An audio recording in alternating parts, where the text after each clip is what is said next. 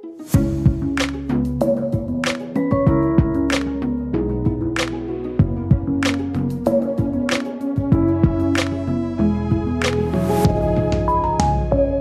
du hørt om Adblock? Nei, det har jeg. ikke. Kan jeg stille samme spørsmål til deg? Har du hørt om Adblock? Nei, aldri.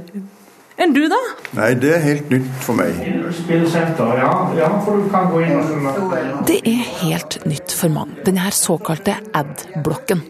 I alle fall var den ikke kjent blant den voksne garde som deltok på nettbrettkurs for seniorer på Kongens eldresenter i Kristiansand en mandags formiddag. Og for ikke lenge siden var jeg i samme uvitenhetsbåt som de her nye nettbrukerne, som jevnt over er 50 år gamlere enn meg. Adblock, sa du? Hva er det? Adblock er en teknologi for å kun se innholdet på en nettside, eh, og hoppe over reklamen og eventuelt også blokkere andre ting. Eh, enten for å få siden til å gå fortere, eller for å få en mer uforstyrret bruksopplevelse. Heldigvis har vi NRK Betas journalist og strategisk rådgiver Anders Hofseth, som kan forklare det på en lettfattelig måte. Men hvordan fungerer det?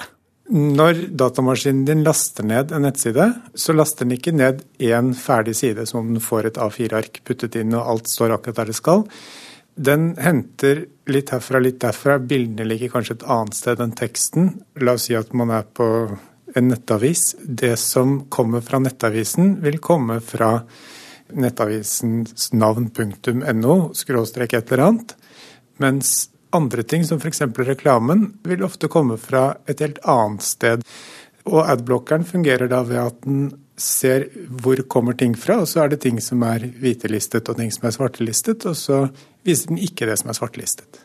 Det høres jo unektelig fristende ut. Et internett som ikke viser den reklamen du ikke vil ha.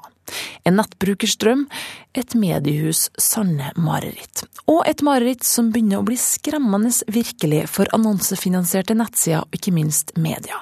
Dette er et område som eh, medlemmene i MBL er svært opptatt av, og så de følger veldig tett. Eh, for det har jo store konsekvenser for økonomien. Geir Engen er fagsjef for analyse og utvikling i Mediebedriftenes Landsforening, som følger utviklinga med en bitte liten bekymra rynke i panna. Altså Det helt uh, åpenbare svaret er jo at det er, en bekymring, og det er, et, det er et fokus som man er nødt til, nødt til å jobbe med. Når nyheten om at eh, iPhone eh, skulle åpne for annonseblokkering, så, så ble det ganske mye styr med det, for å si det sånn. Det, det ble ganske mye snakk om det. Men altså, man har jo bare noen foreløpige tall og indikasjoner på, på, omfanget. Det er jo først og fremst på mobil at det da blir det endring de, de siste månedene. Men det er klart at når mulighetene blir større også på mobil, og det blir enklere på mobil, eh, så vil det kunne påvirke det her. Og når du da har en finansieringsmodell som på det åpne internett eh, er annonsefinansiert, altså det er annonsene som skal finansiere journalistikken, så får det konsekvenser. For konsekvensene lar dessverre ikke vente på seg. I slutten av 2013 trakk Telenor seg fra flere annonseavtaler med norske mediehus.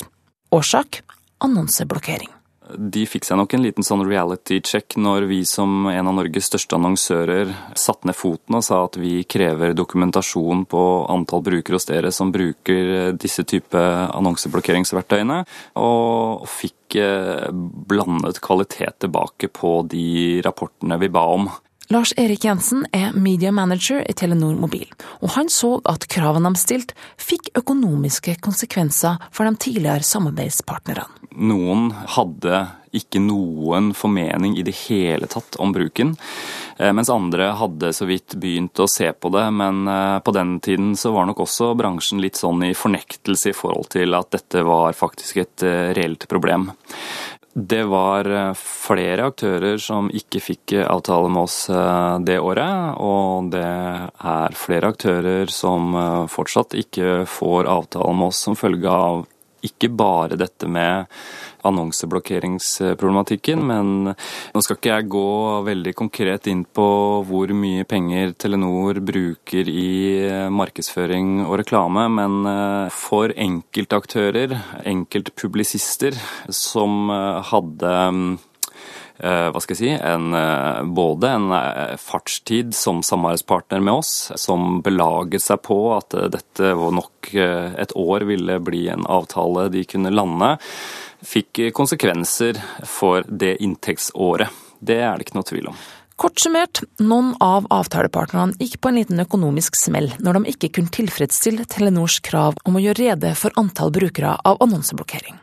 Men jeg lurer meg på, vil denne økende bruken av annonseblokkering på nett føre til at de bruker mindre penger på nettreklame, til fordel for de mer tradisjonelle mediene? Eh, det vi jobber mye med akkurat nå, er jo nettopp å se på hvordan vi skal løse dette for neste år. Og eh, noen av de elementene kan man løse gjennom bruk av eh, lyd og bilde, som TV- og radioreklamer, mens andre budskap av mer kalde taktisk karakter, der vi ønsker å kommunisere konkrete tilbud osv., så, så, videre, så må vi jo utnytte de mediekanalene som fortsatt eh, innehar de spesifikke medieegenskapene. Så hvordan en sånn mediemiks for oss eh, ser ut eh, framover, uh, er mer hva skal jeg si, kortsiktig eh, enn det den har vært tidligere. Og det er nettopp fordi at eh, vi må kunne ha rom for å agere på endringer som skjer mye kjappere nå enn det de gjorde før. Det kan komme andre løsninger som plutselig åpner for nye kommersielle muligheter i digitale kanaler, og, og vi må også ha rom for å se at andre mer tradisjonelle kanaler kan gjøre eh, større deler av den jobben som vi tidligere har tillagt eh, digitale kanaler. Konsekvensene er ikke bare brutte annonseforhandlinger, altså, men faren for at store annonsører ser seg om etter andre plasser å reklamere på. Kanskje vil det bety en oppsving for radioreklamen? Kurer. Kurer. NRK P2. Men hvis jeg sier at du kan surfe på nettet på iPaden din, og det kommer ingen reklame, ingen videoer, ingen annonser, hva tenker du da? Jeg tenker ikke i det hele tatt. Jeg tar det som en selvfølge at det kommer reklame. Jeg vil være litt uh, i tvil, for enkelte ganger har du behov for reklamen. Enn du, Hva tenker du hvis du hører at det finnes en app du kan laste ned på iPaden din for å stoppe alle annonser? Frister det? For en lettelse tenker jeg. Så det blir neste del av eh, kurset, å lære seg å finne den der? Ja, det vil jeg tro. Det finnes ikke nøyaktige tall på norsk bruk av annonseblokkering. Også fordi at annonseblokkerne sjøl gjør det vanskelig å registrere hvor mange som faktisk bruker dette verktøyet.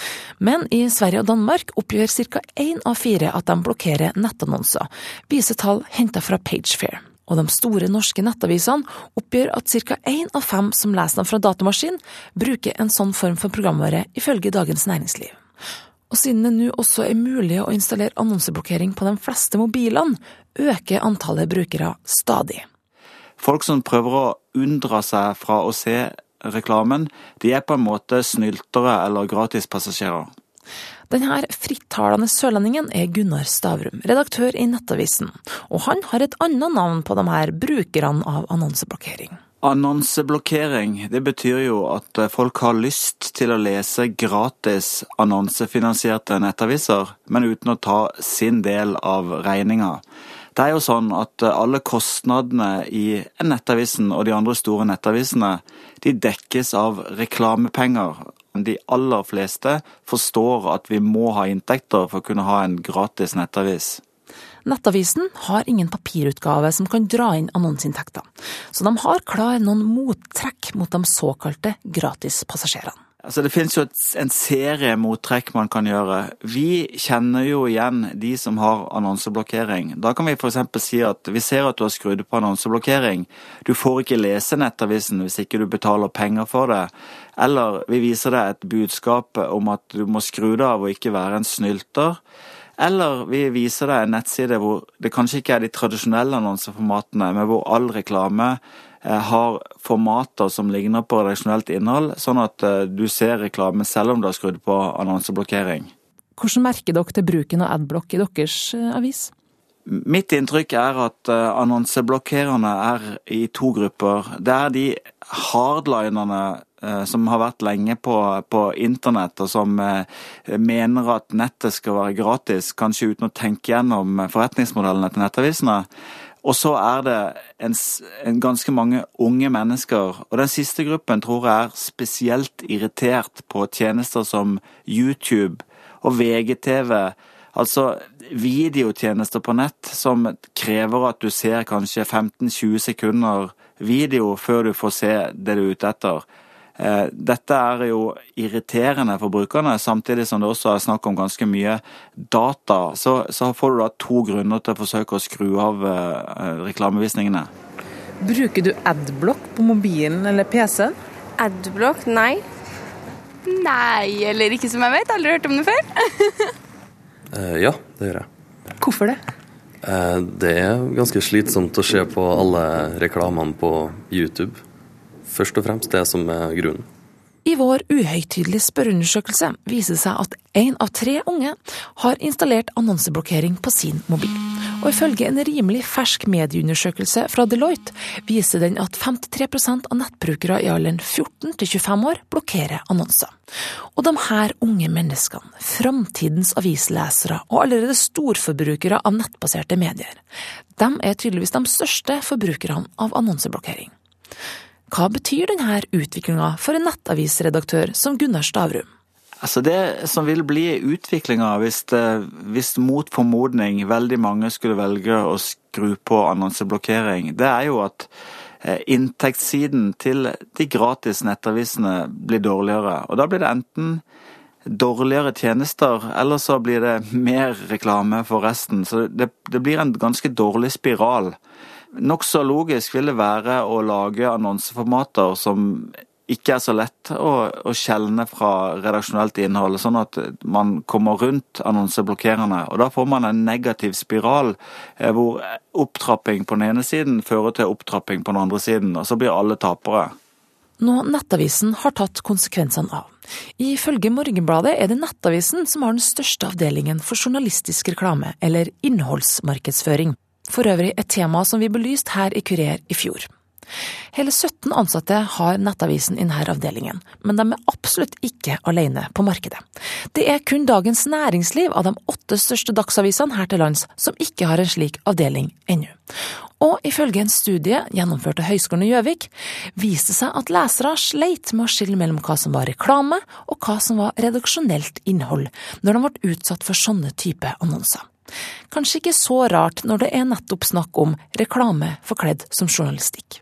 Og er en sånn form for annonse aktuelt for media manager Jensen i Telenor? Det er det i aller høyeste grad. Og det som mange mener er farlig, nemlig det tette båndet mellom journalistikk og reklame, er nettopp det som tiltaler Telenor ser jo også at uh, kanskje hovedtrenden her er at, uh, som du selv nevnte, relasjonen opp til uh, nyhetsdesken og, og, journalistene blir tettere og tettere, nettopp for at man skal fremstå som mer og mer troverdig og ha et mer og mer relevant innhold, og da unngå på en måte å fremstå som en jeg skal si, rendyrka reklame som, som forbrukerne ikke ønsker.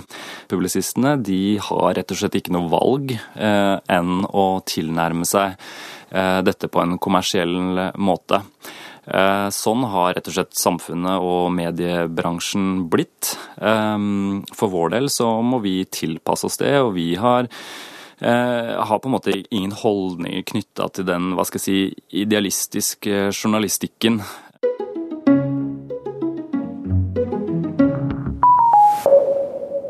Eh, la oss gå på et eller annet som ser passelig hoppet ut med litt flaks. Eh, yes. Celebrity gossip. Sånn. Eh, nå bare husker vi hvordan den ser ut. Mm -hmm. jeg går nå til et, en, en, av de adblockerne som finnes på internettet. Eh, vi lar debatten om innholdsmarkedsføring og reklamejournalistikk ligge, og vende tilbake til utgangspunktet, nemlig annonseblokkeringa. Som frukten på livets tre i Edens hage er min datamaskin ennå uberørt av den beryktede programvaren. For skal man lage en reportasje om emnet, så må man jo gjøre sin research. Så jeg veit hva jeg snakker om, egentlig. Så NRK Betas Anders Hofseth måtte igjen trå til for å hjelpe ei teknisk utfordra trønderpi det er litt en sånn ting for spesielt interesserte. Det er ikke kjempelett å sette opp. Eh, Det er ikke veldig vanskelig, men det, det krever at man går litt her og litt der og setter noe ting i menyer og sånt. Den jeg går til nå, gir meg ganske store muligheter for å si hva jeg syns det er greit at kommer gjennom, hva jeg ikke syns det er greit at kommer gjennom. Uh, jo, sånn. Nå trykker jeg der. Nå trykker jeg her for å installere en adblocker på maskinen din. Og så kommer den da med en forklaring på hva jeg skal gjøre for å sette den opp. Uh, nå har den lastet den ned dit. Uh, disse listene med hva, hva, som slippes gjennom hva som ikke slippes gjennom, det er noe som må oppdateres fortløpende. Fordi eh, det blir jo noen sånn katt og mus-leker her. Med at noen forandrer litt på ting for at det skal komme gjennom. Og så er det også noe at det finnes en del adblockere som eh, hvitelister noen som betaler for å bli hvitelistet. Og det, det, er, hm. det er mye rart. Her kan vi skru på en liten sak hvor du får opp en liste over alle de ulike tingene den har blokkert på hver side du er inne på. Vi lar den være åpen, så kan vi se litt hva som blir blokkert på en side. Her kan jeg velge hva jeg vil slippe gjennom, om jeg syns det er greit å få reklame fra noen, om jeg syns det er OK at statistikk virker og sånne ting. Nå tar jeg bare for eksperimentets skyld og sier at jeg skrur av absolutt alt. Så skal vi se om den eksempelnettsiden vi åpnet i sted, har forandret seg når vi oppdaterer den. Oi. Vil du se at det er ganske mye som ser strippa. annerledes ut. Det er faktisk ingenting, nei. Ja. ja. Der er den borte. Og her får du opp en liste over at 1, 2, 3, 4, 5, 6 Ja, ca. 25 forskjellige ting har blitt blokkert. Som en kollega av meg sa, annonseblokkering er som gamle Aftenposten uten all innstikkene. Og det er det. Tru meg, det var virkelig en tydelig forskjell og en helt annen brukeropplevelse. Men verken Anders eller jeg var helt bekvem med å reklamere for annonseblokkering hos allmennkringkasteren, når konsekvensene kan gå hardt utover våre annonsefinansierte kollegaer. Hvis ikke de tjener noen penger på, på disse annonsene, fordi alle skjuler annonsene, så har de ikke noen penger å lage det innholdet for. Sånn at det er noen etiske spørsmål rundt dette. Så derfor, du må avinstallere nå. Takk med en gang. Vi kan ikke holde på sånn. Jeg skal gjøre det. For så lenge mediehus er avhengig av annonseinntekter for å finansiere journalistikken sin, så er vi solidariske. Men hvem vet om det er annonser som blir hovedinntekter for avisene fremover? For noen mener at det er på tide at mediene tar ansvar og tenker nytt. Helt nytt, for å hanskes med situasjonen. Og jeg tror avisene har seg sjøl å takke fordi de i altfor lang tid plastra disse nettavisene omtrent som det skulle vært en Formel 1-bil. Det tror jeg var ganske uklokt. En var altfor lite opptatt av at annonsene faktisk skulle virke. Sånn at verken annonsørene ble eh, fornøyde, eller brukerne. Eh, nå får en på en måte betale for det. Arne Krumsvik er professor i journalistikk ved Høgskolen i Oslo og Akershus. Og han syns at det er noen finansieringsmodeller som mediehusene ikke har sett nok på, hvis annonseblokkering brer om seg. Det er jo tre modeller som er helt eh, åpenbare, og som allerede er testa ut eh, av mange, men ikke i så veldig stor grad av eh, norske medieaktører. Og det er sponsing og produktplassering og såkalt folkefinansiering. Alle disse tre modellene har blitt brukt internasjonalt til å finansiere journalistikk, og vil helt klart kunne gjøre det i Norge også. Det som står i veien hos oss, er jo at dette her på en måte er et slags tabu å snakke om, særlig i avismiljø. Produktplassering har vært forbudt med lov, i, i alle fall i, i, i kringkasting i Europa. Der, der har det blitt, blitt lempa på det. Eh, og jeg tror nok at europeisk lovgivning vil, vil lempe på dette her også. Så jussen her er, er, på en måte det minste problemet. Problemet er fantasien til aktørene i bransjen, som er veldig snever fordi en eh, Eh, drøm om at den gamle finansieringsmodellen med brukerbetaling og annonsering skal løse framtida sine problemer. Det ser ikke ut til å gjøre. Så her må en tenke på en helt annen måte. Så jeg tror at i framtida vil vi se eh, en mosaikk av mange flere forskjellige former for finansiering. Ehm, Denne utviklinga med reklameblokkering og at mediehusene må finne nye måter å gjøre ting på, kan det skade journalistikken? Er dere bekymra for journalistikken oppi det hele? Ja, det er mange som er bekymra for journalistikken. Og, eh, og, de etiske rammeverka, altså bransjenormen som vi har, handler jo om å beskytte journalistikken. Det som er utfordrende, er at av og til så står sånne bransjenormer i veien for det å kunne leke med nye tanker. Så det er klart at det, det å, finansiere journalistikk på en ny måte, så er det massevis av muligheter til å trå feil. Og til at det blir kobling, og at en, eh, en undergraver den kritiske, uavhengige journalistikken. Så her må en eh, riktig så holde tunga beint i munnen. Men eh, det er viktig å huske hva som er formålet med disse normene, nemlig å sikre kritisk og fri og uavhengig journalistikk.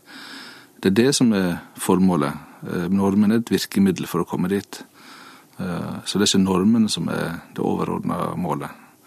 Dette er ikke så lett. Sånn er det i veldig mange profesjoner. At, det, at innovasjon er vanskelig å få til fra innsida, fordi at en, en har på en måte låst seg inn i hva som er ålreit å tenke på som alternativ, og hva som ikke er ålreit å tenke på. Men nå er det på tide å tenke nytt. Nå som Geir Engen i Mediebedriftenes Landsforening ikke nødvendigvis er helt enig i.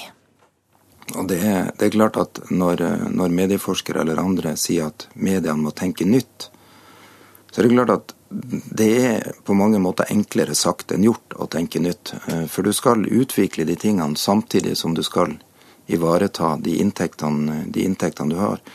Men det er klart at vi er nødt til å tenke nytt, og at det vil bli prøvd ut nye måter å finansiere journalistikk på i årene som kommer. Det er jeg helt overbevist om, og jeg tror at det det er nødvendig å drive på med den type eksperimentering og prøving hele tida.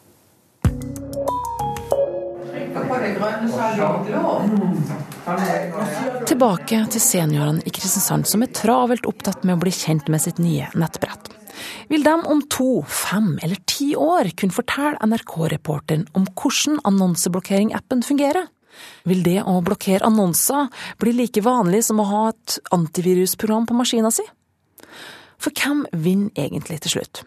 Blir det brukerne eller mediene? Altså Mediene må jo definitivt tilpasse seg brukerne sine. Hvis vi, hvis vi går i, i klinsj med våre egne brukere, så, så, blir de borte. Men samtidig så tror jeg at det fenomenet med adblock er eh, et fenomen som om en to-tre år vil se annerledes ut enn det gjør i dag. Altså Vi vet at en del mediehus har bedt brukerne om å skru av adblock for dem, eh, og til en viss grad så, så fungerer det. Vi, vi, må selvfølgelig tilpasse oss brukerne, og vi må selvfølgelig tilpasse oss eh, den teknologiske utviklinga. Eh, men som jeg sa tidligere, så tror jeg at teknologien er på våre sider. Jeg tror at våre muligheter for å faktisk finne ut hva det er som er relevant for brukerne for å bli viktig i hverdagen deres. Og dermed så vil brukerne se på mediene og de produktene som leveres, som, som, en naturlig del av hverdagen, der både brukerbetaling og annonsefinansiering er en, en naturlig del. Geir Engen i Mediebedriftenes Landsforening tror at begge gruppene kan vinne.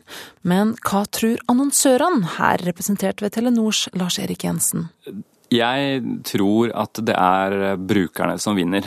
Eh, jeg har selv en datter på to år som vet hvordan hun trykker på den skip annonse-knappen inne på YouTube. Eh, de er en målgruppe som etter hvert kommer til å dominere størsteparten av befolkningen, som har en utrolig makt oss som annonsører eh, lider av det i forhold til at vi må bli enda flinkere og enda smartere annonsører for å kunne tilnærme oss de på eh, den måten de ønsker det. Mediene med å publisere innhold på en måte som gjør at denne type målgruppe ønsker å konsumere innholdet deres og det skjer endringer fra eh, den ene til den andre dagen som får store konsekvenser for de ulike partene i den næringskjeden innenfor mediebransjen? Jeg tror begge grupper vinner. Og jeg tror at det er en viss form for krisemaksimering ute og går her. Eh, vi husker jo når de første videoopptakene med mulighet til å spole over reklame kom. Da ble det jo dommedagsprofetier for, for fjernsyn. Det var bare kanskje 5-10% av brukerne som faktisk tok seg bryet med å gjøre det. Foreløpig ligger annonseblokkering på omtrent samme nivå. Så jeg tror ikke dette blir voldsomt utbredt. Eh, ergo så tenker jeg at det er ikke så ille at det finnes på et visst nivå. Det får annonsørene og mediene til å skjerpe seg litt. Eh, og så er det fint at det ikke er så voldsomt mange, for da får vi fortsatt finansiert gode eh, og kostbar journalistikk på, på internett. Gunnar Stavrum tror ikke at det blir nok brukere av annonseblokkering til å skape dommedag med det første. Mens medieforsker Krumsvik derimot har en enkel teori. Så lenge det er konkurranse, så vil det alltid være brukerne som vinner.